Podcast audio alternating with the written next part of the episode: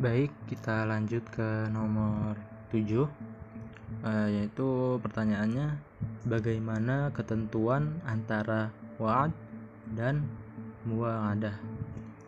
Uh, baik, saya mengambil uh, rujukan dari ensiklopedia jual beli dalam Islam. Jadi jawabannya akad yang dilakukan bukanlah akad yang lazim atau harus dipenuhi di antara kedua belah pihak tanpa menyebutkan kadar keuntungannya. Uh, contohnya seperti seorang nasabah yang ingin membeli suatu barang, kemudian dia mendatangi suatu lembaga keuangan dan dan berkata, uh, belilah barang ini untukmu dan aku akan membelinya darimu dengan disertai tambahan harga baik secara kontan maupun bertempo gitu ya